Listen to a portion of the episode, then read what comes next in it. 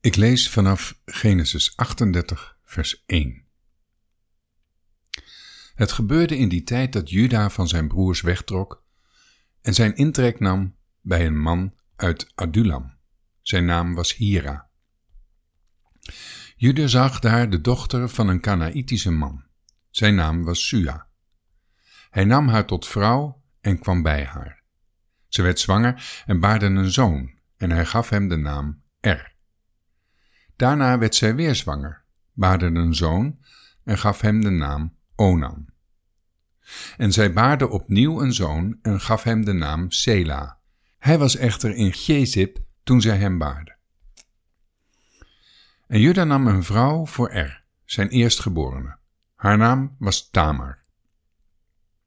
Maar Er, de eerstgeborene van Juda, was slecht in de ogen van de Heere.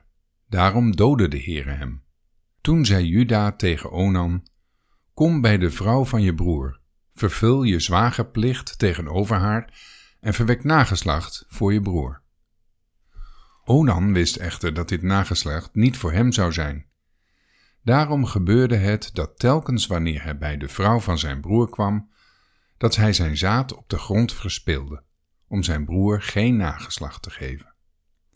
Wat hij deed was echter slecht in de ogen van de Heere. Daarom doodde hij ook hem. Toen zei Juda tegen Tamar, zijn schoondochter: Ga maar zo lang als weduwe in het huis van je vader wonen, totdat mijn zoon Sela groot is. Hij zei namelijk: Anders zal hij ook sterven, net zoals zijn broers. Zo ging Tamar weg en ging in het huis van haar vader wonen. Toen vele dagen verlopen waren, stierf de dochter van Sua, de vrouw van Juda. Daarna vond Juda troost en ging hij naar zijn schaapscheerders naar Timna, hij en zijn vriend Hira uit Adulam. En men vertelde Tamar, zie, uw schoonvader gaat naar Timna om zijn schapen te scheren.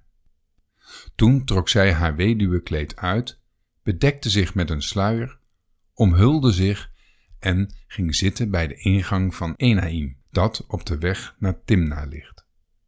Zij had namelijk gezien dat Sela groot geworden was en zij aan hem niet tot vrouw was gegeven. Toen Juda haar zag, hield hij haar voor een hoer, omdat zij haar gezicht bedekt had. En hij ging naar haar toe langs de weg en zei: Kom toch mee, ik wil bij u komen. Hij wist immers niet dat het zijn schoondochter was. En zij zei: Wat zult u mij geven als u bij mij komt? Hij zei: Ik zal u een geitenbokje van mijn kudde sturen. Ze zei goed, als u een onderpand geeft totdat u het bokje gestuurd hebt. Toen zei hij: Wat is het onderpand dat ik u zal geven? Zij zei: Uw zegelring, uw snoer en uw staf die u in uw hand hebt. Hij gaf ze haar, kwam bij haar en zij werd zwanger van hem.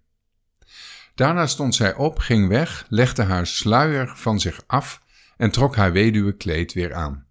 Juda stuurde het geitenbokje door bemiddeling van zijn vriend Adulam, om het onderpand uit de hand van de vrouw terug te krijgen. Hij vond haar echter niet. Toen vroeg hij aan de mensen van haar woonplaats: Waar is de hoer die bij Enaim langs de weg zat? Maar zij zeiden: Er is hier geen hoer geweest. Hij keerde daarop terug naar Juda en zei: Ik heb haar niet gevonden. En ook de mensen van die plaats zeiden: Er is hier geen hoer geweest. Toen zei Juda: Laat ze het onderpand zelf maar houden, anders zullen we veracht worden. Zie, ik heb dit bokje willen sturen, maar u hebt haar niet gevonden. Het gebeurde ongeveer drie maanden later dat men Juda vertelde: Tamar, uw schoondochter, heeft hoererij bedreven, en zie, ze is zwanger door die hoererij.